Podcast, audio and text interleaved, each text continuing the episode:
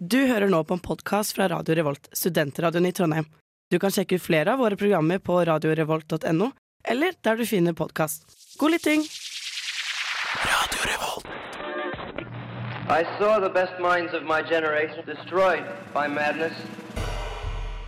Det er den drømmen vi bærer på. Fra en annen virkelighet. Kulturuke. Eh, Ja, jeg heter Dag Solstad, og dere hører nå på Bokbaren, og der er altså jeg. Ja, og i Bokbaren, der er også vi.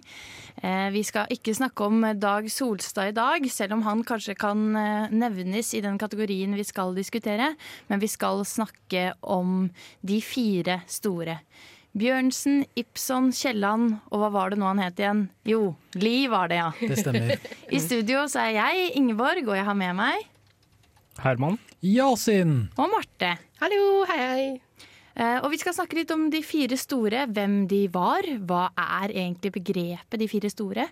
Og vi skal selvfølgelig kåre en vinner av disse her fire bautaene.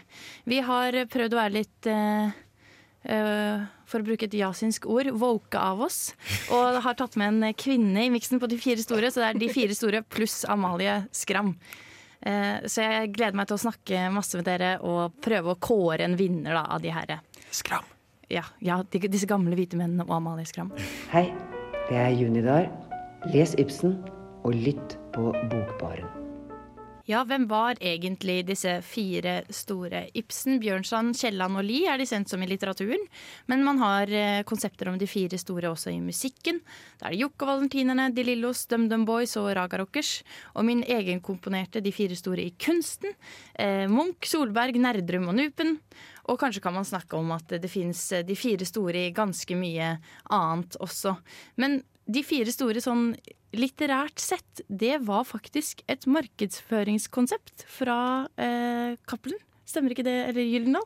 Eh, stemmer ikke det, Gyldendal, ja? Stemmer ikke det, Herman? Jo, det stemmer det. Det er eh, brukt eh, i mange settinger og har plutselig blitt en sånn kanoniseringsgreie der vi snakker om de fire store realistiske norske forfatterne mellom sånn 1860 og 1890, da, der disse skikkelsene som varierte i popularitet, på en måte har blitt kanonisert, da vi plutselig ser de som de fire største norske forfatterne, da. Selv om det kanskje ikke er alle som er enig i det. Ja. Men hva er på en måte de fire store? Hva, hva betegner begrepet? Det har jo på en måte fått en sånn eh, I kanon har det, har det fått en sånn jeg vet ikke, mening som de fire største norske forfatterne. Jeg tror det er sånn folk ser de, og Gyldendal har jo brukt det på en måte til å betegne de som det da, i markedsføringen. Og har blitt sånn der daglig En daglig term som vi liksom ser på liksom, som vår kulturarv, men det er jo Jeg vet ikke. Det er bare blitt et sånn absurd begrep som jeg ikke skjønner meg på helt. Ja, det er blitt noe sånn som man lærte på skolen, eh, og der må du liksom lese et eh, verk av, eh, eller et utdrag av alle sammen, og så blir det på en måte kanonisert via det. Syns du det er relevant å ha den betegnelsen De fire store sin, eller er det litt utdatert? Jeg er alltid fan av gode markedsføringsstrategier, og dette har jo tilsynelatende funket. Det er ikke bare i Norge vi har de fire store som konsept. I USA så er jo det noe de bruker for å omhandle de fire store konsulentselskapene, f.eks. The Big Four. Så hvis det funker, hvorfor ikke gjøre det? Men utover det så har jeg på en måte ikke Med unntak av at det er greit, dette er en god måte å finne ut og, og huske hvem disse folk er, så har jeg ikke noen relasjon til det. Synes like så godt, liksom. Ja, for min del eh, blir det litt mer sånn der, eh, en sånn falsk kvalitetsbetegnelse, egentlig. Sånn, uh, for all del så finnes det kvaliteter over alle disse forfatterne, men jeg syns det på en måte er litt spess å ja, kanonisere på den, på den måten, liksom. Ja, jeg føler jo at det blir en sånn eh, ja, kanonisering som du sier, som gjør at man fortsetter å lese disse eh, forfatterne, selv om det kanskje ikke er så stor og viktig litteratur lenger. Og det får også veldig mye plass på pensum i norsk grunnskole. Noe jeg tenker sånn, Skulle man kanskje fått inn noen andre, mer moderne, relevante forfattere der, og også da vært litt mer mangfoldig utvalget, for å si det mildt? Ja, altså for min, for min del, eller sånn i forhold til det jeg liker, men også sånn se på som kvalitetslitteratur. Hvis dette er en betegnelse som skal betegne forfattere fra det moderne gjennombrudd, spesielt i Norge, så er det forfattere som har, er av høyere kvalitet da, innenfor den tidsepoken, til og med. Som Mm. for eksempel Amalie Skram. Da.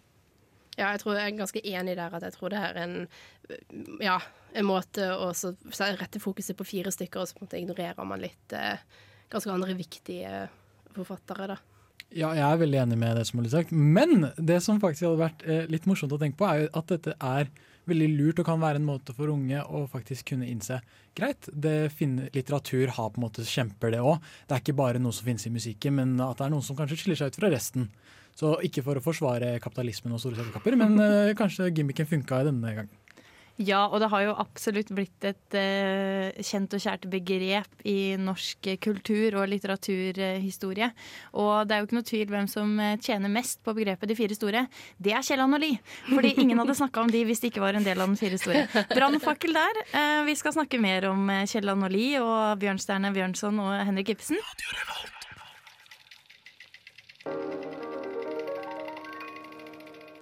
Bokbarn presenterer Jonas Lie. Jonas Lie var norsk forfatter og regnes som en av de fire store. Lie er født i Hokksund i 6. november 1833 og døde 5. juli 1908 i Bærum. Lie flyttet i sin ungdom til Bergen, hvor han gikk på katedralskole, før han begynte på Helteberg studentfabrikk, der han møtte bl.a. Ibsen, Bjørnson og Vinje. Hans nærmeste krets var Bjørnson, Ole Bull, Vinje og Ibsen. Han slo seg etter hvert ned som sakfører på Kongsvinger, og giftet seg i 1860 med sin kusine Thomasine Henriette Lie. Dette var altså en mann med viktige venner og sans for damer som delte hans navn. Lie var imidlertid ingen god businessmann og måtte slå seg konkurs i 1868. Da flyttet han til Kristiania for å forsøke seg som forfatter, for å kunne betale ned gjelden han hadde samlet opp. Lie fikk raskt anerkjennelse. Hans mest kjente verker er Gå på, Familien på Gilje og mange andre sjøromaner om Norges kyst. Men hvorfor husker ingen i dag denne store dikter Jonas Lie? Følg med videre, så skal du få finne ut av det.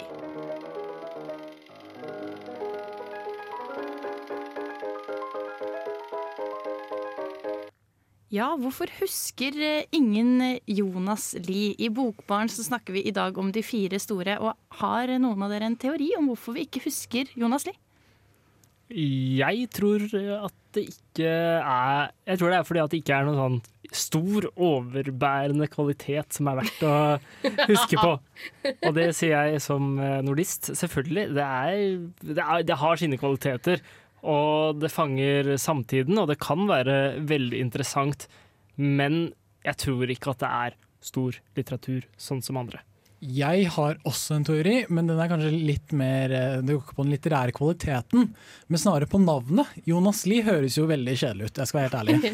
Henrik Ibsen og Bjørnstjerne Bjørnson, det er, det er sånn gode navn med pondus. Jonas Lie er sånn ja, eh, hvem som helst, på en måte. Jeg er helt enig. Det er et veldig kjedelig navn. Men jeg tror òg, hvis, hvis man ser gjennom bibliografien hans, da, eh, jeg kjenner igjen kanskje ett, eh, ett verk, 'Kommandørens døtre'. Jeg har ikke lest den heller. Så, men jeg tror òg sånn jeg tror, Fra videregående, hvor vi gikk gjennom noen av disse store eh, forfatterne, vært gjennom Ibsen, har vært gjennom Kielland, har vært gjennom Bjørnstjerne Bjørnson Jeg tror ikke jeg har lest noe av eh, Jonas Lie, altså. Nei, og jeg tror kanskje en utfordring der er nettopp det du sier, Marte, med at det er veldig lite kjente verker. Men det er også lite verker som egner seg for å gå gjennom i eh, grunnskolen. Fordi han skrev mest romaner, så de blir litt for lange. Da må du så få ta et utdrag.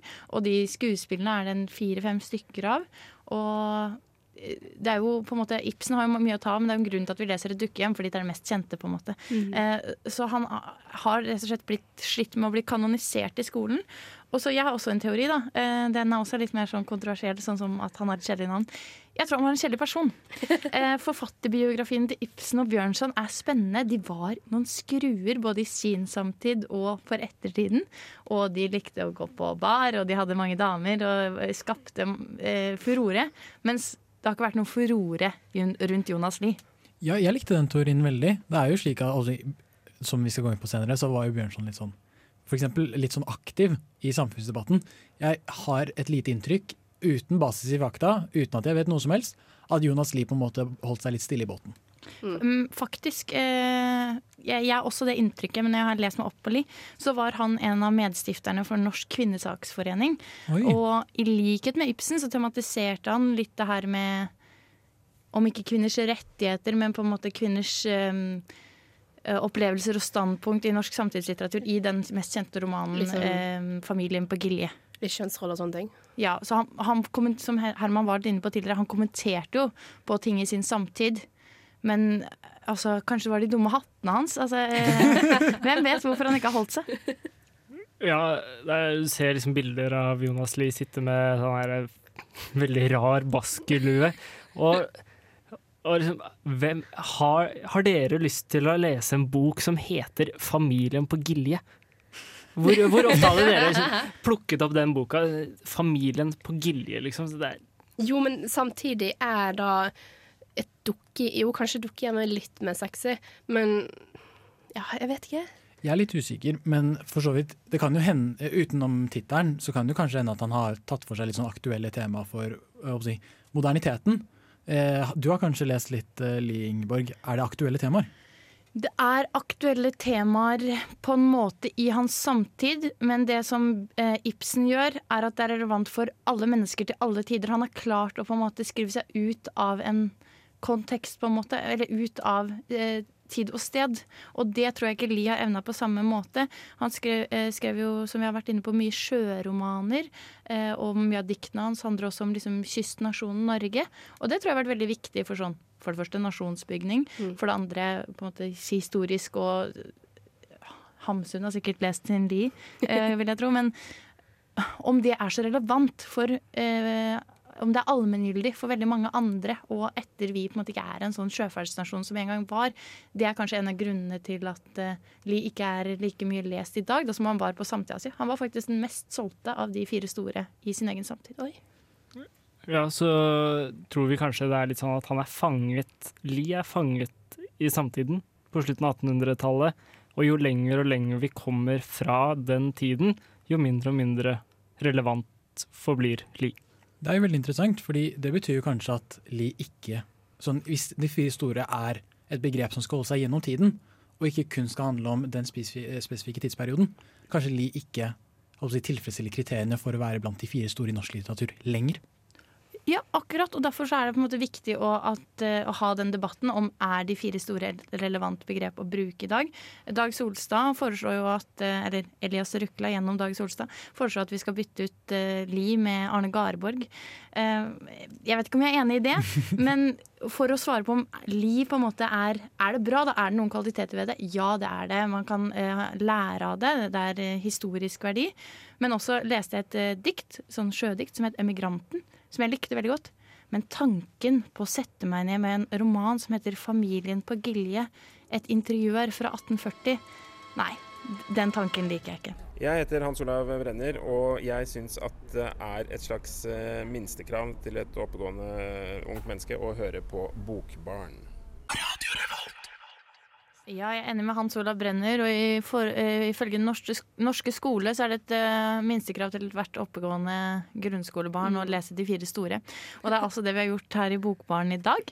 Og nå skal vi snakke om uh, Tigerstadens far, Bjørnstjerne Bjørnson. Men først så skal vi høre en liten introduksjon du har lagd om forfatteren, Yasin. Bjørnstjerne Martinius Bjørnson er født den 8. desember 1832 på Kvikne nord for Tynset, og døde den 26. april 1910 i Paris. Bjørnson var en norsk dikter, samfunnsdebattant, redaktør og teaterpersonlighet. Bjørnson er regnet som en av de fire store i den norske litteraturen.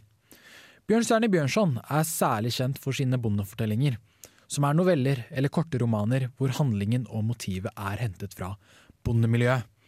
Noen av Bjørnsons mest kjente verk er Synnøve Solbakken, En glad gutt og Faderen. Faderen er en novelle skrevet av Bjørnson, og er hentet fra novellesamlingen Småstykker. Faderen er en novelle skrevet av Bjørnstjerne Bjørnson og er hentet fra novellesamlingen Småstykker, som kom ut i 1859. Novellen handler kort sagt om et bondesamfunn, der vi møter en bonde med navnet Tord, som drar til presten for å først døpe, så konfirmere og til slutt gifte bort sønnen sin. Bonden er ekstremt opptatt av status og vil at sønnen skal ha alt av det beste. Han vil f.eks. at sønnen skal døpes alene og giftes inn i den rikeste familien på bygda. Tord betaler presten under hvert besøk for at dette skal skje. Fortellingen ender med at bondens sønn dør, og bonden skjønner at statusen han var så opptatt av før, kanskje ikke er så viktig lenger. Tors utvikling som menneske gjennom denne fortellingen sier mye om novellens tematikk og budskap, og det skal vi se litt nærmere på senere. Noen spennende fakta om Bjørnstjerne Bjørnson, utenom det at han var en sykt godt kjent forfatter, er at han eh, fikk Nobels litteraturpris i 1903 og var den første nordmannen til å få den. Og at han var en forkjemper for barnetoget på 17. mai. Så vi hadde kanskje ikke hatt et barnetog uten Bjørnstjerne Bjørnson. Nei, og vi hadde kanskje ikke hatt eh, våre kjente, mest kjente og kjære nasjonalsanger eh, heller. Yasin Bjørnstjerne Brø Bjørnson. Brødson. Eh, det er alter ego. Um, er det en eh, stor dikter? Hva Jeg- syns du om det du har lest? Eh, Jeg har lest Faderen, og det har jo for så vidt eh, så å si alle norske elever på grunnskolen eller videregående gjort. Jeg synes, fra det lille jeg har lest, eh, pluss eh, noen utdrag av eh, andre eh, Den store, store romanen hans Ja, så jeg husker ikke hva den het. Men ja, det sier egentlig litt at jeg ikke husker hva den het, fordi Bjørnstjerne Bjørnson er ganske dårlig på titler, og at det ikke er så ganske catchy. Men jeg synes i alle fall at måten han får fram bondefortellinger på, og særlig det med sånn eh, samfunnsstruktur, sosial kontroll, er temaer som eh, er relevante for nåtiden. Eh, jeg leste faktisk en artikkel for ikke så lenge siden på NRK, som er litt gammel, om minoritetsjenter som kjenner seg igjen i mye av diktningen til Bjørnstjerne Bjørnson. Og hvordan f.eks. For foreldrene så på barnas mulighet til å utfolde seg. Og at det på en måte kan minne om hvordan minoritetsjenter har det i Norge i dag.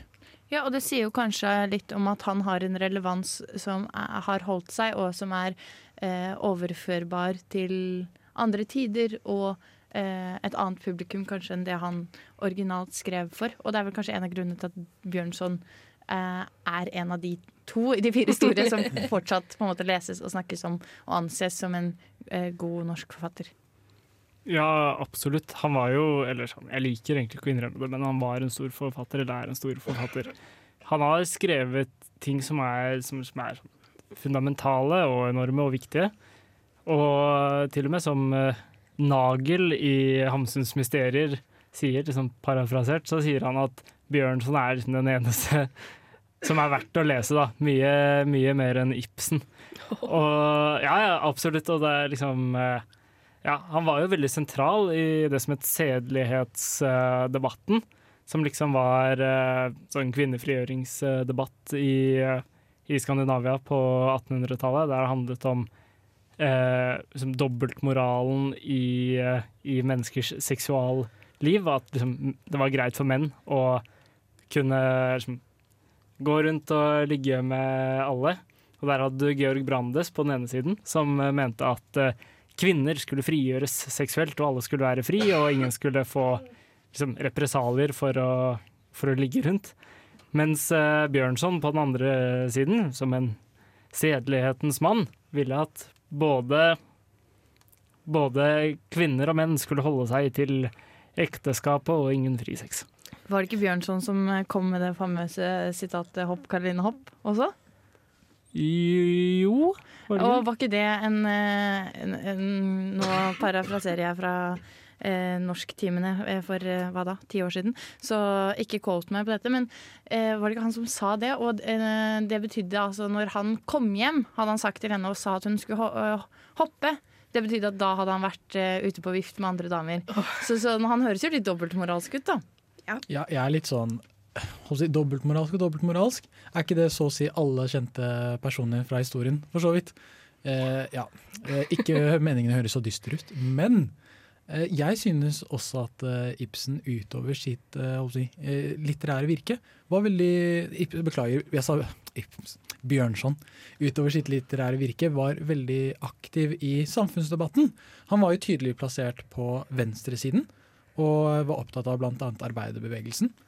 Så eh, for å si det sånn Jeg synes det var ganske spennende å høre om en forfatter som på en måte gikk i eksil eh, på bakgrunn av sitt eh, politiske virke, Mm. eh, og skrev. Ja, og så har jo han vært altså Vi snakket jo litt om det tidligere, men dette med nasjonalromantikk og på en måte bidra til nasjonsbygging, så har jo Bjørnstjerne Bjørnson vært veldig flink der. Han er jo eh, forfatteren bak 'Ja, vi elsker', eh, som er tonesatt av hva er det, Rikard Nordåk, tror jeg. Ehm, og da Ja. Jeg, tror det er vanskelig å på en måte skyve noen under teppet som har bidratt til det, vil jeg si.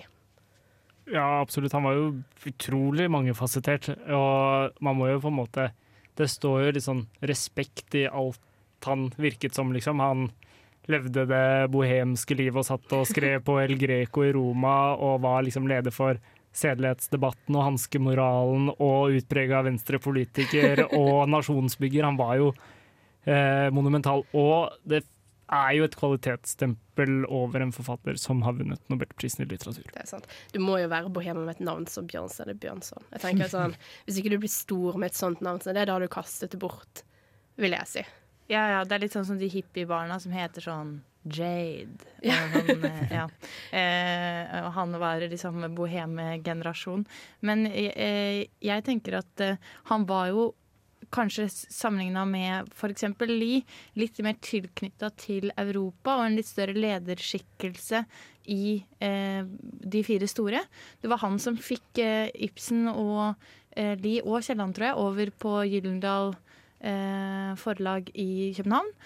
Og eh, som Herman har vært inne på, så reiste han mye til Roma, Paris. Det gjorde for så vidt eh, Lie òg, han bodde der, og Ibsen bodde mange år i Italia. Men han var en som på en måte var aktivt ute i verden og hadde en slags sånn korrespondanse med Satt på Aulestad langt oppe i Dalom og skrev brev til kontinentet. Og det tror jeg har vært med på å på en måte holde liv i Bjørnson eh, som en viktig forfatter for Norge. Fordi han har representert oss utad også. Så en ting vi kan si ut fra dette, er at Bjørnson er bedre enn Lie. Ja, kanskje. Eh, Vi får ha med oss spørsmålet videre i sendinga og se om vi kommer til en, en eh, konklusjon til slutt. Men vi kan vel si at eh, Bjørnson har vunnet første runden over Lie. Og så får vi se hvordan det går med de neste som skal ut i ringen.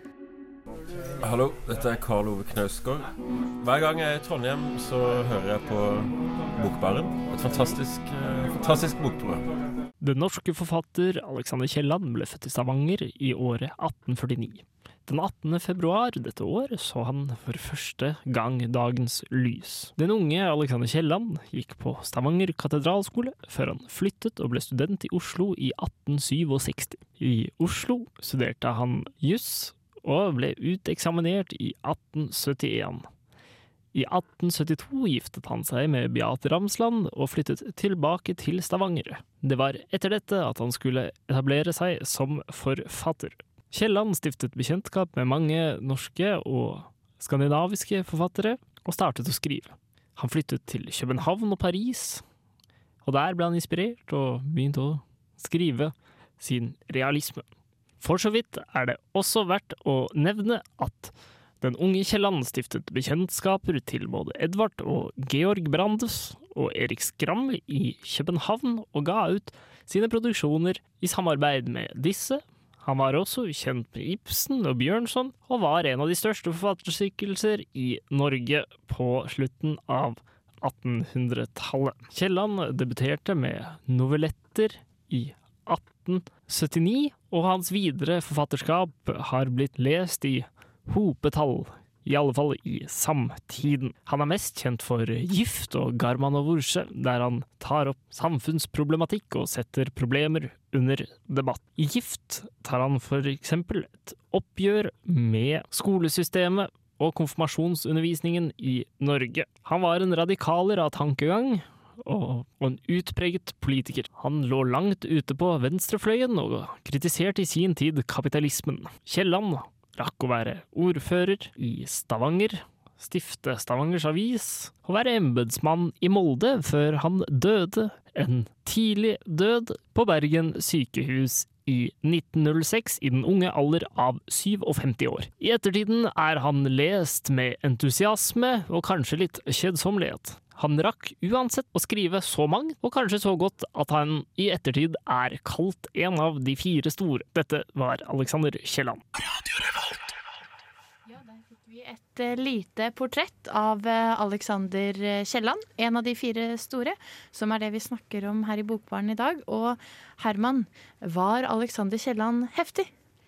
Ja, til en viss grad. Han eh, har absolutt, eh, absolutt noen kvaliteter, syns jeg, etter å ha brynet meg på, på gift. Hans eh, ja, ja, hva skal man si? Hva skal man kalle den boken? Det er en sånn dannelses, eh, dannelsesaktig roman som følger en gutt som heter Abraham, og en annen gutt som heter Lille Marius, gjennom skolegang og konfirmasjonsundervisning. Og liksom se på problematikken i skole, i norsk skolesystemet på, på 1800-tallet. Og liksom konsensus av romanen er egentlig det at eh, ja, han lille Marius dør fordi han pugger så mye latin. Herregud, eh, det er jo dødsgøy. Og han skrev rett og slett litt sånn eh, samfunnssatire. Ja, det er absolutt gjennombruddslitteratur, liksom. Det er, som, det er peak Brandes problemer under debatt, liksom. Ja, for hvordan skiller på en måte Kielland seg litt fra disse tre andre, selv om de jo har fellesbetegnelser og er, eh, har sine særegenheter? Er, er det noe som gjør at han skiller seg spesielt ut fra de tre andre i de fire store? Ja, han var jo fra Vestlandet, da. Han uh, kom, fra, kom fra Stavanger. Han er fra relativt sånn en veldig eh, velstående bakgrunn. Og har uh, ja, brukt mye tid på å farte. Utdannet seg innenfor juss før eh, før han gikk i ja, forfatter, forfattervirksomhet. Og liksom farta mye rundt, brukte sykt mye penger. Og bodde i Paris og København, og der brukte han alle pengene sine på å liksom bare arrangere svære fester med masse mat og eh, ja. En skikkelig god forfatter, altså. Ja, ja, han var uh, litt av en uh, bohem, og så plutselig virker det som at han gjorde en sånn helomvending, for da han slutta å få litt sånn stipender fra og sånn forfattergasje, sånn som Ibsen og Bjørnson fikk. Og så ble han liksom, han ble ordfører i Stavanger. Han var liksom sånn, han var jo på venstresiden av uh, politikken og liksom, ja, var veldig sånn politisk involvert. Da. Så ble han redaktør, og så han sånn, fikk et sånn stort embetsmannsverk, ja, embetsmannsvirke oppe i Molde. Eh, men jeg er litt lite kjent med Kielland, egentlig. Nå gir jo du en god biografi. Men eh, dere andre i studio, eh, Marte og Yasin, har dere noe forhold til Kielland utenom å kjenne navnet hans? Jeg liker å kalle meg selv en miljøverner, og det er jo noe Kielland også har skrevet om tidligere. Eh, hvis jeg ikke tar helt feil. Jeg tror eh, er under, Som VG3 så leste vi eh, Torvmyr, eh, som handlet om en ravn som så på hvordan menneskene behandlet naturen. Og da er det jo på en måte Det handler jo på en måte om at mennesker ikke behandler naturen bra. Så jeg digger forfattere som har meninger, og ikke sånne romantiske ting. Så Kielland er for, tre, for en sekser av meg. Mm. Ikke bare var han miljøvenner, men han var òg kvinneforkjemper, til en viss grad i hvert fall. Eh, brydde seg veldig mye om klasseskille og kvinneundertrykket, så det tror jeg på en måte er en fellesnevner for egentlig de fleste forfattere under eh, realismen, for at samfunnskritikk var noe som var viktig. Men eh, om jeg har noe forhold til Kielland? Nei. Han, han er mer kjent for meg enn Jonas Lie, men jeg har ikke lest noe særlig av han, egentlig.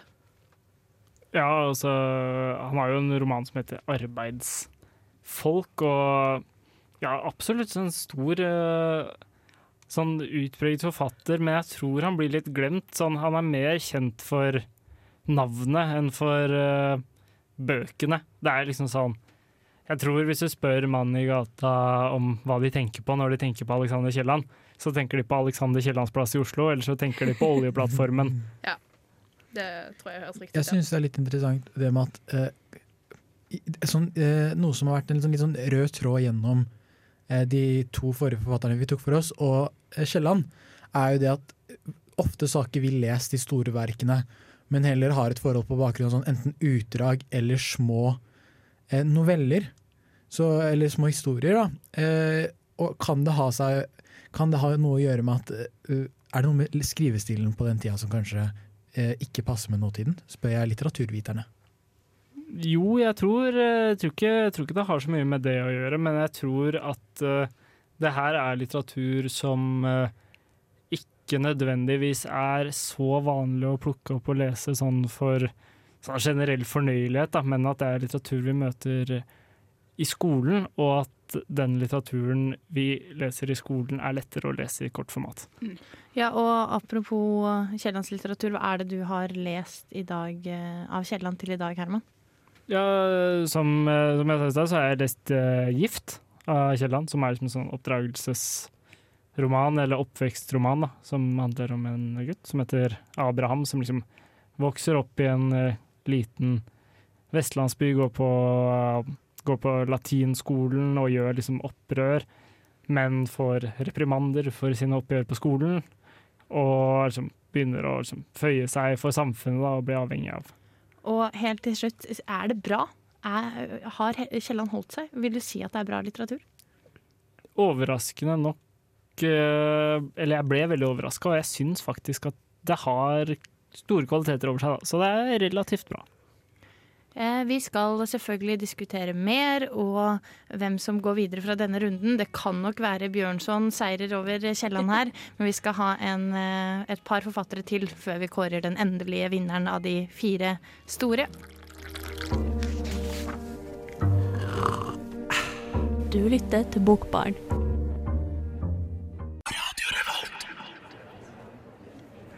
Henrik Ibsen ble født den 20. mars 1828 i Skien, spesifikt på Stokmannsgården. Han begynte som apotekerlæring i en alder av 15 år, hvor han på kveldene leste til artium. Inntrykket han fikk fra latinpensumet preget i veldig stor grad eh, det første verket hans, 'Catalina', som han ga ut under pseudonymet Brynjolf Bjarme i 1850.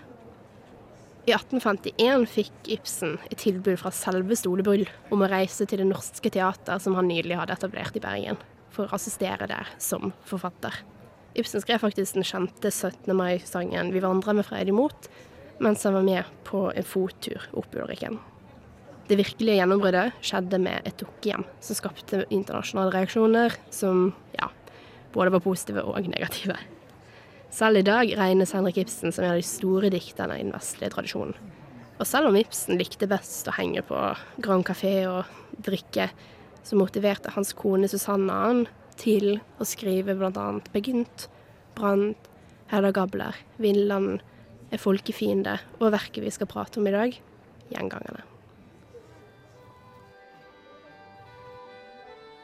Ved en fjord i vestlige Norge møter vi Helene Alving, som nylig har blitt enke og jobber nå med å bygge et asyl i sin ektemannsminne. Hennes sønn Osvald har nettopp kommet hjem fra Paris, hvor han har levd det frie kunstnerlivet. Kammerspiken Regine Engstra krangler med sin far, hvor han ønsker at hun skal være med han og starte et hjem for sjømenn. Fru Alving betror seg til pastor Manders om hennes avdøde ektemanns synder, og etter asylet brenner ned, og Osvald og Regine kommer litt nærmere hverandre, tvinges hun til å grave opp familietraumer om sykdom, utroskap og dobbeltmoral.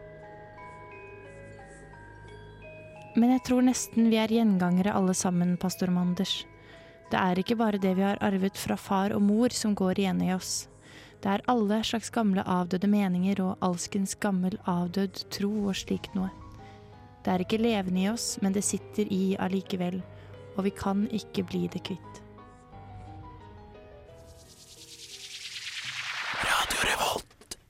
Ja, og i Bokbarn så snakker vi om de fire store, og akkurat nå snakker vi om den største av dem alle, Henrik eh, Ibsen. Takk for den fine introduksjonen, Marte. Jo, vær så god. Det, ja. Gjengangere, er det ditt eh, favorittstykke av Ibsen? Oi uh, mm, Ja, kanskje. Jeg vet ikke. Jeg har, har et veldig spesielt sted i hjertet mitt for dukkehjem òg. Det må jeg si. Uh, men jeg, jeg, ja, leste Ja, slukte egentlig gjengangerne på én kveld, må jeg si. Ibsen Absolutt. er jo kanskje den uh, av disse fire som må forsvare seg selv minst. Eh, han blir mest lest, han blir mest anerkjent. Han er verdens eh, andre mest spilte dramatiker, kun forbigått av Shakespeare. Eh, men bortsett fra Subjekt, da, som eh, har et ønske om å eh, eh, eh, bannlyse Ibsen som triviell forfatter, eh, så eh, det får bli en eh, debatt til en annen gang. Men hva syns dere er eh, Dere har kanskje et forhold til Ibsen alle sammen. Er det god litteratur? Og har den holdt seg? Ikke bare er litteraturen god, det er den beste litteraturen. Spør du meg. Nei, jeg er veldig, veldig glad i Ibsen. Jeg mener at liksom, gjennombrudds-Ibsen og den samfunnskritiske de, Eller de samfunnskritiske stykkene hans eh, med dukkehjem, gjengangere, en folkefiende og samfunnsstøtter er liksom det er, For meg er det utrolig, utrolig bra. Da. Så jeg er veldig, veldig glad i Ibsen. Jeg syns det er et problem at Herman uh, sier så mye bra. For jeg kan ikke annet enn si eh, det eksakt samme. Jeg er veldig stor fan av Ibsen, jeg òg. selv om jeg gjerne uh, vil si at eh, Bjørnson har, eh, er litt morsommere, eh, hvis det gir mening. Med tanke på at han eh, fikk til barnetoget og eh, inspirerte nasjonalsangen. Eh, men ja, jeg støtter så å si Ibsen. Har dere noen idé om hvorfor dere syns det er så bra? da? Hva som gjør det til god litteratur? Jeg føler eh, det er litt det vi har pratet om. Ibsen, det er en egen klasse i det å ehm, sette altså, for det, Hvis du ser på gjengangerne det, Han forklarer ikke så veldig mye. Det er ikke så veldig stort eh, karaktergalleri. Det er ikke så veldig eh, Settingen er mer eller mindre kun i dette ene stuerommet på en eller annen gård et eller annet sted på Vestlandet. Men likevel så får han til så utrolig mye på eh, det lille stedet og den lille korte tiden han har. Og de tingene han tar opp, er ting som er fremdeles relevante i dag. Og jeg tror det er derfor det er så eh, fengende, fordi at det skaper reaksjoner fremdeles i dag, vil jeg si. Ja, det var, det var jo så ekstremt radikalt da det kom ut, eh, gjengangere i hvert fall. Mm. Det er eh, ja, Noen så på det som eh, blasfemi, eller sånn at jeg snakker ned om eh, religion, om prester, tar opp syfilis, eh, incest, eh, incestproblematikk. Det er liksom ja, moderne litteratur, revolusjonær litteratur. Jeg vet ikke, det er bare Jeg er helt enig. For hvis du skal se på eh, kronologien i verkene til Ibsen Han skrev først eh, Verket som kom før gjengangerne, var et dukkehjem, og det var kontroversielt for seg selv. En kvinne som forlater sin mann. Og da sa Ibsen «Hå, hør på dette, da. Sånn kan det gå hvis en kvinne blir. Og så bam, incest. Bam, syfilis. Bam, alt det der. Eh, Jeg synes ja, Det som måte gjorde Ibsen til den store i mine øyne, var iallfall måten han skildret Nora sin situasjon på i et ukehjem. Eh, jeg syns det var noe vakkert over det, eh, men eh, ofte så er typ, I etterkant så har man alltid vært sånn Å, kan du på en måte forklare Kan du se Nora inn Nora sin posisjon i det ekteskapet, i dagens ekteskap, at mange fortsatt er i den posisjonen. Jeg syns jo fortsatt det er sykt aktuelt. Og det er jo noe vi kan nevne eh, for de lytterne som har vært med en stund. Eh, I fjor så pratet vi med Juni der, hun fortalte den historien om da hun var i Pakistan, i Lahore. Lahore eh, og framførte da eh, annet et dukkehjem i løpet av denne her fortellingen, eller denne forestillingen hvor hun snakker om alle Ibsens kvinner. Og så når hun kommer til Nora og har denne monologen til Nora fra slutten, og så forteller hun om denne pakistanske kvinnen som reiser seg, og det er helt stille, og sier at hvis jeg ikke kan få friheten min, så vil jeg heller dø. Å, jeg får helt frysninger. Jeg blir, jeg blir rørt. Det er makten, det er innflytelsen Ibsen fremdeles har den dagen i dag. Uh, han døde i 1906, så det begynner å bli en år siden. Han er fremdeles relevant i dag. Og det kan man ikke gå bort fra, altså. Nei, og jeg tror på en måte det er eh, det man står igjen med. At eh, samfunnsrelevansen hans kan man ikke ta ifra han. Eh, og som en liten oppfølgingskommentar til det vi var inne på tidligere, at du sa at han skrev et dukkehjem, og så fikk han masse kritikk, og så var han sånn Men nå skal jeg vise dere hvordan vågal jeg egentlig kan være. Og så etter Gjengangere så kommer en folkefiende. Eh, med den sterkeste mannen i verden er han som står alene, doktor Stockmann, som prøver å banke litt vett i skallen til eh, sine medborgere, men som ikke vil høre på han. Kanskje kan han være en representant for hvem Ibsen var i sin samtid, men eh, han, han er ingen representant for hvordan Ibsen leses i dag, for i dag er vi alle ene, enige med Henrik Ibsen. Eh, så vi kan kanskje si at eh, Ibsen vant eh, runden i ringen mot Kielland her. Men eh, vi må fortsatt snakke om Amalie Skram før vi kan kåre en vinner av de fire-fem. Mitt navn er Ståle Dingstad. Eh, Du lytter til Bokbaren. Ja, du lytter til Bokbaren. Jeg fikk sånn fransk vibe av introen ved Ståle Dingstad der. Han har jo skrevet en del om Knut Hamsun, som mange kanskje vil plassere i sin eh, De fire store i norsk litteratur. Men vi skal snakke om eh, en ganske annen person enn Hamsun. Vi skal snakke om Amalie Skram. Hvem var Amalie Skram, Herman? Nei, Amalie Skram var en uh, norsk eh, forfatter uh, fra Bergen, Oi. ikke mindre enn det. Som uh, ble født i 1846 og døde i 1905. Så veldig mange av disse folk her eh, levde, levde og døde samtidig, holdt jeg på å si. Men uh, utprega norsk eh, forfatter. Skrev kanskje mer i naturalistisk tradisjon enn eh, de andre, som skrev mer Mm. realistisk, i hvert fall i samme periode. Uh, sagt å ligge i en veldig sånn nær tradisjon til Emile Zola, den franske naturalisten, selv om hun selv sa at hun ikke hadde lest noe Zola før hun ga ut sine verker. Mest kjent for uh, Hellemyrsfolket og uh, Konstanse Ring, men det er vel mange som har lest Karens jul. Amalie Skram oppnådde stor, stor uh, suksess. En av de høyest respekterte norske forfatterne gjennom tidene, vil jeg se. Mange Hun har Amalie Skram ser en stor anerkjennelse til den dag i dag. Da, fryktelig relevant og overbærende kvalitet, spør du meg. Jeg synes det er litt spennende at uh, Herman forklarte jo så godt hvorfor Amalie Skram er så viktig for uh, litteraturen. Men uh, hun er jo ikke inkludert i de store fire-betegnelsen.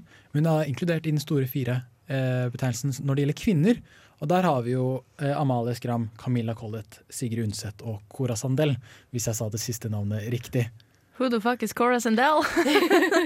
Eh, det vet ikke jeg, men jeg vet at betegnelsen inkluderer henne, uh, ifølge internett. Men uh, Så spørsmålet blir jo egentlig uh, hvorfor ble hun utelatt? Er det faktisk Kan dere tenke dere hvorfor, kanskje?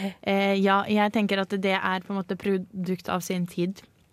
Rett og slett at hun ble utelatt. At eh, man så på det, altså, det var jo som sagt mye kvinnesaksengasjement hos de fire store mennene. Og det vitner kanskje om at det var en eh, tid hvor det kanskje ikke var eh, så stort fokus på de kvinnelige forfatterne enda som det var på mennene, selv om Amalie Skram var veldig anerkjent i sin samtid. Mm. Eh, vi får jo ikke eh, stemmerett for kvinner for før i 1913 i Norge. Så jeg tror rett og slett det er grunnen. Altså sånn historisk sett så var ikke verden klar for det helt enda da. Absolutt. Ja, det var ikke fordi at hun ikke gikk med flosshatt eller face eller baskelue eller noe sånt. At hun Nei, hun var rett og slett for, eh, for konservativ i klesdrakten. Det, det var grunnen. ja, konservativ i eh, klesdrakten, men eh, radikal i skriftmålet. Hun var jo virkelig liksom sånn Hun var drøy på det. Sånn, hun var kjempe, kjempeprogressiv, kjemperadikal. Skriver sånn dypt psykologisk. Masse, masse blod og gørr hellemyrsfolket mm. og ja, ja, absolutt liksom sånn frempå. Jeg syns eh, akkurat det og eh, Jeg, syns det er litt sånn skummelt. Og, eh, jeg liker ikke sånne beskrivelser. Eh, men eh, det jeg synes er veldig viktig å legge merke til, er jo nettopp eh, bidraget Amalie Skram har utgjort til eh, si, norsk litteratur om kvinner, og hvordan det kanskje kan ha bidratt til samfunnsendring. For det var jo slik at uh, i 1913 så fikk vi allmenn stemmerett. Og det, jeg tviler ikke på at jeg si, litteraturen, at man kjempet fram kvinnekampen i litteraturen, har spilt en stor rolle i å få igjennom det. Så kanskje hun har litt mer impact enn Henrik Ibsen til og med. Er det en brannfakkel? Ja. Ja, det er en uh, brannfakkel som uh, kan uh, i forhold til uh, jeg vet ikke, Den kan kanskje slukkes litt med at Henrik Ibsen er større internasjonalt anerkjent, men i forhold til litterær kvalitet så syns jeg den er ganske langt oppe.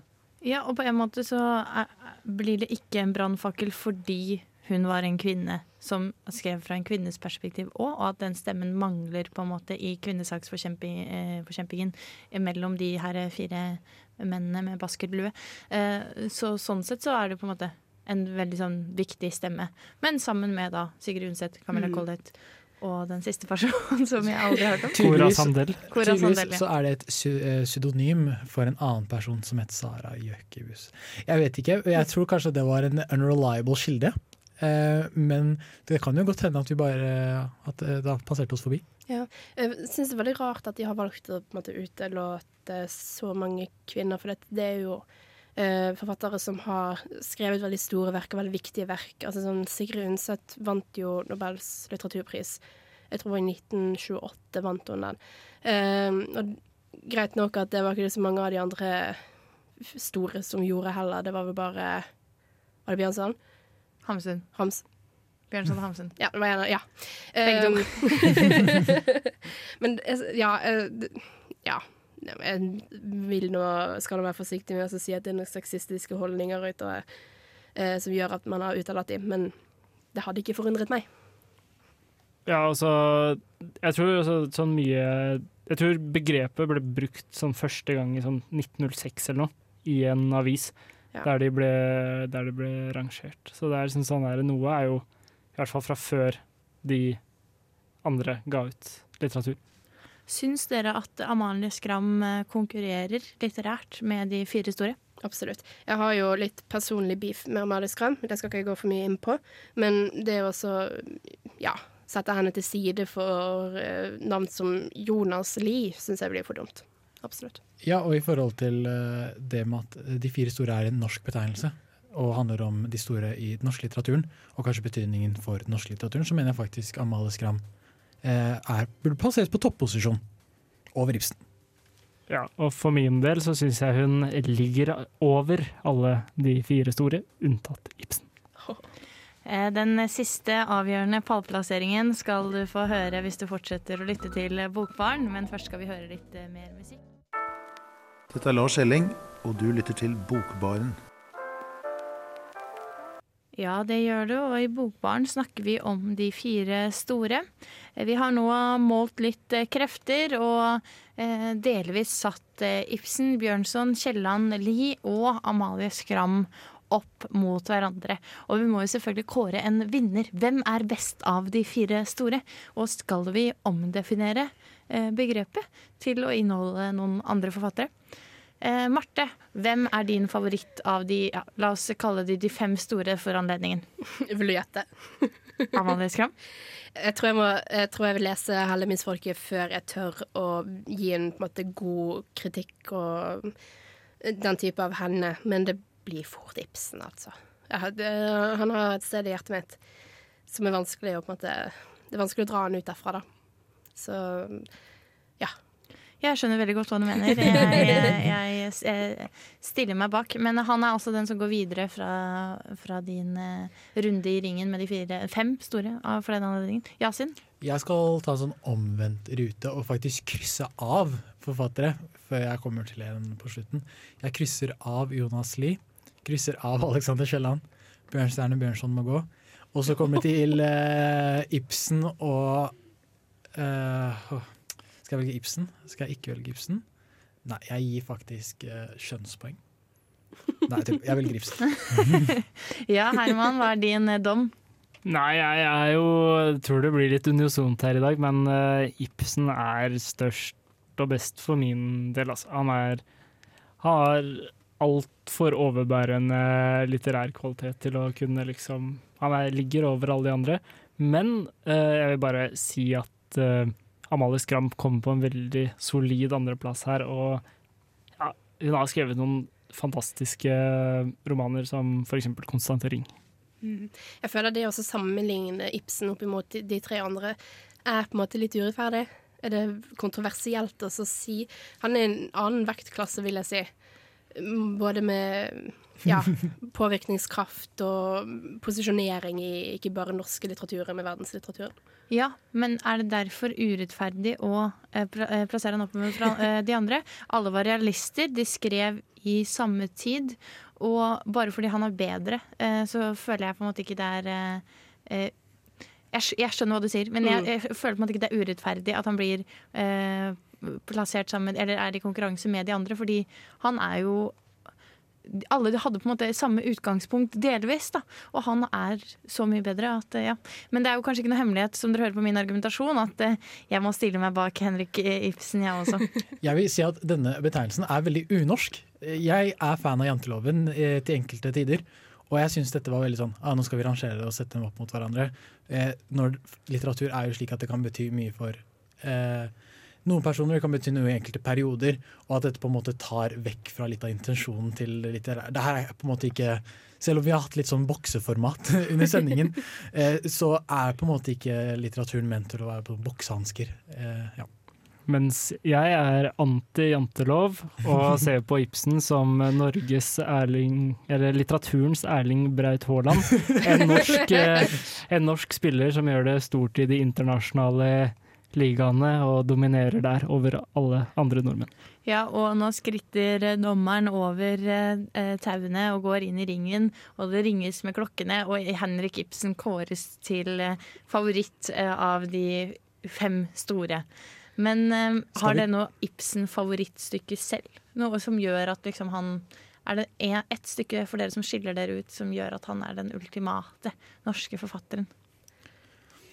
Litt vanskelig, men jeg eh, tenker umiddelbart på et tykkehjem. Det er jo, som du sier, det er vakkert, eh, det treffer hardt. Og for så vidt, jeg tror det er en skikkelig god sånn eh, oppdragelse for alle 14 år gamle gutter som er sånn «Øh, Kvinners posisjon i samfunnet. Kvinner er likestilt, de. Og så, ser, og så får de den i fleisen på skolen, og så drøfter man, og så kommer man og skriver oppgaver. Jeg syns det er eh, midt i prikken. Jeg støtter Ibsen veldig sterkt på bakgrunn av det ene stykket. Mm. For min del eh, er det nok gjengangere som eh, ligger øverst. Jeg syns at det er utrolig flott. Men jeg vil også slå et slag for det Ibsen selv kalte sitt hovedverk, da, 'Keiser og Galileer'. Oh. Hva med deg, Marte? Du som nettopp har eh, lest deg gjennom gjengangere her. Ja, um må, jeg må jo også si Jeg tok hjem har et veldig spesielt sted i hjertet mitt. Vi leste den på 10. klasse. Jeg kunne på et tidspunkt den der monologen til Nora på rams. Det kan jeg ikke nå lenger, det er litt eh, vondt å si. Men samtidig så har gjengangerne og folkefiende òg veldig imponert over alle. Så jeg, jeg tror egentlig bare gleder meg mer til å lese mer Ibsen. Jeg tror jeg skal lese Hedda Gabler neste gang. Det vil jeg virkelig anbefale, for mitt eh, favoritt-Ibsen-stykke er Hedda Gabler. Eh, generelt alle de sterke kvinneskikkelsene til Ibsen, Nora, eh, Elida i 'Fruen fra havet'. Det er, det er mange å ta av, men det er et fantastisk stykke som bare går på et så dypt sånn menneskelig nivå. Eh, og hva vil det si å være menneske og ta de vanskelige valgene? Og måten han har framstilt den her på en måte angsten og depresjonen og mono, eh, monotoniteten, går det an å si, Ja. eh, i Hedda, som hun sliter med. Det, det er helt sinnssykt. Og jeg anbefaler virkelig å få sett det oppsatt også. Og det er jo ikke til å stikke under stol at han skrev dramatikk, og det er noe ganske annet å lese, sånn som vi gjerne gjør i skolesammenheng og i Bokbarn, enn å se det oppført på en scene. Jeg er helt enig med deg, og det er noe som gjør det veldig fint at uh, NRK har veldig mange av produksjonene til Henrik Ibsen på, eh, på nett, så du kan se både et mener og et hjem, du kan se gjengangere eh, gratis på NRK sine sider. Så da kan du få oppleve virkelig liksom generasjons- og familietraumer eh, på nært hold. Ja. Gjengangere og en folkefiendere på, uh, på Radioteatret på NRK radioappen også. Det er Mhm. helt fantastisk. Ja, uh, Mens vi er inne på Henrik Ibsen og anbefalinger, så vil jeg slå et slag for uh, diktpodkasten til Hans Olav Brenner også. Brenner deler dikt. Der leser han og Harald Eia det kjente diktet til eh, Henrik Ibsen, som heter Terjeviggen. Det er et veldig langt eh, dikt, da, så det må ha litt god tid. Men eh, det var skikkelig fint å få en gjennomgang av det. Og da så jeg at han kommenterte på en del sånn en, enda flere ting enn bare den her kvinne kvinnesaksforkjempingen som han gjerne har blitt litt kjent for. Da. Det handler om et etterkrigs-Norge som sliter med hungersnød og eh, Det er ikke sånn superbra ståe. Men eh, jeg tenkte å høre om dere hadde noen forslag til eh, revurdering av de fire store. Det må jo inneholde Ibsen, da, det har vi fått etablert. Men hvem er deres tre andre storforfattere, nå som dere har pælma ut eh, Kielland, Lie og Bjørnson?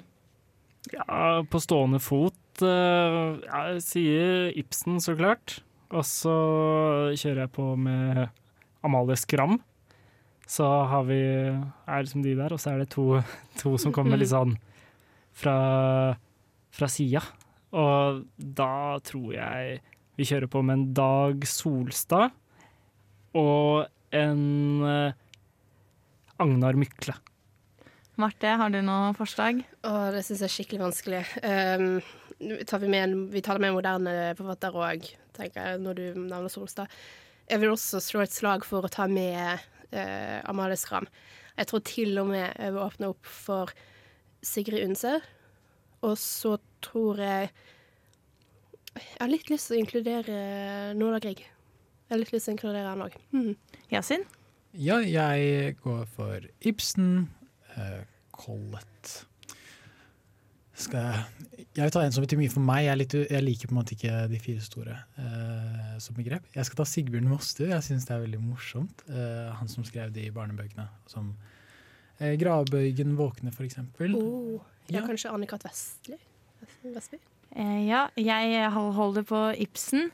og så Mm, må jeg eh, smette inn Solstad, jeg også? Eh, jeg har ikke lest Amalie Skram utover de her få novellene.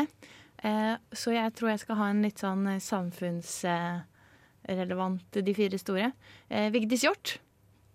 Nå er jeg oppe i trea. og Ingvar Ambjørnsen. Han var med. min store norske favoritt. Men jeg kan også komme med forslaget til Dag Solstad, som blir presentert i sjenanse og verdighet av Elias eh, Rykla. Eh, Rykla. Og det er Ibsen, Bjørnson Nei, beklager. Eh, Hamsun, Vesaas, Ibsen og Mykle. Så hvis det er noen som er enig i det, så får de sende fanbrev til Dag Solstad. Jeg har også vært på, på byen en fuktig natt i København. Og blitt spurt om hva, mine, hva jeg mener er de største forfatterne noensinne er. Og da tok jeg Elias Ruklas liste på rams. jeg syns det er litt fascinerende at vi ikke har nevnt en viss uh, Knausgård. Knausgård ja. Hva han, tenker dere? Burde han være med på den listen? På en måte ja, fordi han representerer noe helt spesielt i på en måte norsk litteraturhistorie. Hans prosjekt skilte seg fra veldig mye av det vi har sett i Norge. Lignet kanskje mer på tendenser fra fransk litteratur. Men han var på en måte den første som starta den herre ordentlig, da. Eh, den her mm. virkelighetslitteratursprosjektet i Norge. Og har satt Norge veldig på kartet. Så jeg tror nok på manges lister at han, han hører med. Jeg syns det er litt vanskelig å på en måte si om Knausgård burde være på listen eller ikke. Og det er det samme med de andre moderne forfatterne er jo nettopp det at uh, jeg mener i alle fall at hvis man faktisk skal bruke en slik betegnelse, så burde det jo være, så burde det på en måte transcendere kontekst, som uh, Ingeborg forklarte så godt tidligere i sendingen. Uh, men akkurat i nåtiden så kan jeg si meg enig, selv om jeg er veldig skeptisk til utlevering, bla, bla, bla. men, hmm, men mener sånn, hvis vi skal transcendere så mener jeg ikke at Knausgård burde inkluderes. Og ikke Mos Sigbjørn Mostu heller, vel å merke. Jeg er ikke hyklersk. Jeg tror kanskje man kommer til å lese Knausgård om 150 år. Det var jeg litt inne på i sendinga vår om eh, det temaet her det, for et par uker siden. Og det tror jeg handler om at det er et så tydelig bilde på det norske samfunnet anno 20... Ja, eh, eh, det 21. århundret, på en måte. Så derfor tror jeg man gjør det. Men jeg tror ikke det blir lest som Ibsen av de samme sånn litterære kvalitetene. Det handler mer om at det er en eh, tematisering av en samtid som er veldig unik. For min del så handler det mer om at jeg syns at det er eh, forfattere som er som rett og slett er bedre. Mm. Så for eksempel, selv om jeg har fylt ut fire i min liste, så kommer for eksempel Jens Bjørneboe før Knausgård på den, da. Ja. Har vi kanskje glemt Jo Nesbø? Nei. Nei. Brannfakkel. Ja, det var Eldo, kanskje? Ja. Eh, eh, Jostein Gaarder, som vi har vært inne på Ja, som Norges mestselgende forfatter med ett verk. Det er Mhm. jo eh, en bragd i seg selv. Betyr det at han kommer til å stå seg? Overta til 64 språk? Ja. Mm. Jeg tror, ja, jeg tror Jostein Gaarder kan på en måte diskuteres mer som Ibsen om ja, la oss si 150 år. Jeg føler Knausgård, da snakker man mer om, sånn som du sier, konteksten og på en måte det etiske rundt virkelighetslitteratur. Det hadde vært veldig spennende å, sånn, eh, eh, å snakke om de store fire i en global kontekst òg. Ikke akkurat nå, da, det er jo mye mye vanskeligere, men forestill dere hvis dere skulle plassert eh, fra hele verden. Eh, så det er bare en liten ting til lytterne. Bare tenk på om du har lest på noen du tenker er sykt bra. Ja, og det er jo vedtatt en ny eh, del av kanoen der nå, da, i forbindelse med at eh, Annie Ernaux er blitt tildelt eh, Nobelprisen. Så sånn sett så skriver hun seg inn i en liste for de fire store for mange, vil jeg tro. Og det er virkelig flott litteratur. Jeg måtte kaste meg rundt og begynne på Hendelsen, en av hennes bøker etter prisutdelinga, og det har jeg ikke angra på. Jeg heter Molly Øksnevad. Fuck Riksen. Og du hører på Bokbar. Du hører på Bokbaren, og vi har snakket om de fire, eventuelt fem store, og kåra Henrik Ibsen, den store dramatiker, eh, landsdramatikeren, til eh, vår felles favoritt. Men eh, vi har som vanlig også litt lesetips til eh, lytterne våre. Herman, har du noe du har lyst til å anbefale? Ja, i, eh, i kontekst av sendingen så vil jeg gjerne anbefale litt sånn gjennombruddslitteratur, i hvert fall fra det moderne gjennombrudd. Jeg vil anbefale alle å lese En folkefiende av eh, Ibsen. Og så vil jeg anbefale alle å lese, lese Konstanse Ring av eh, Amalie Skram. Og i tillegg så kjører vi på med en svensk eh, en svensk forfatter, og anbefaler alle å lese En dåres forsvarstal av August Strindberg. Mm.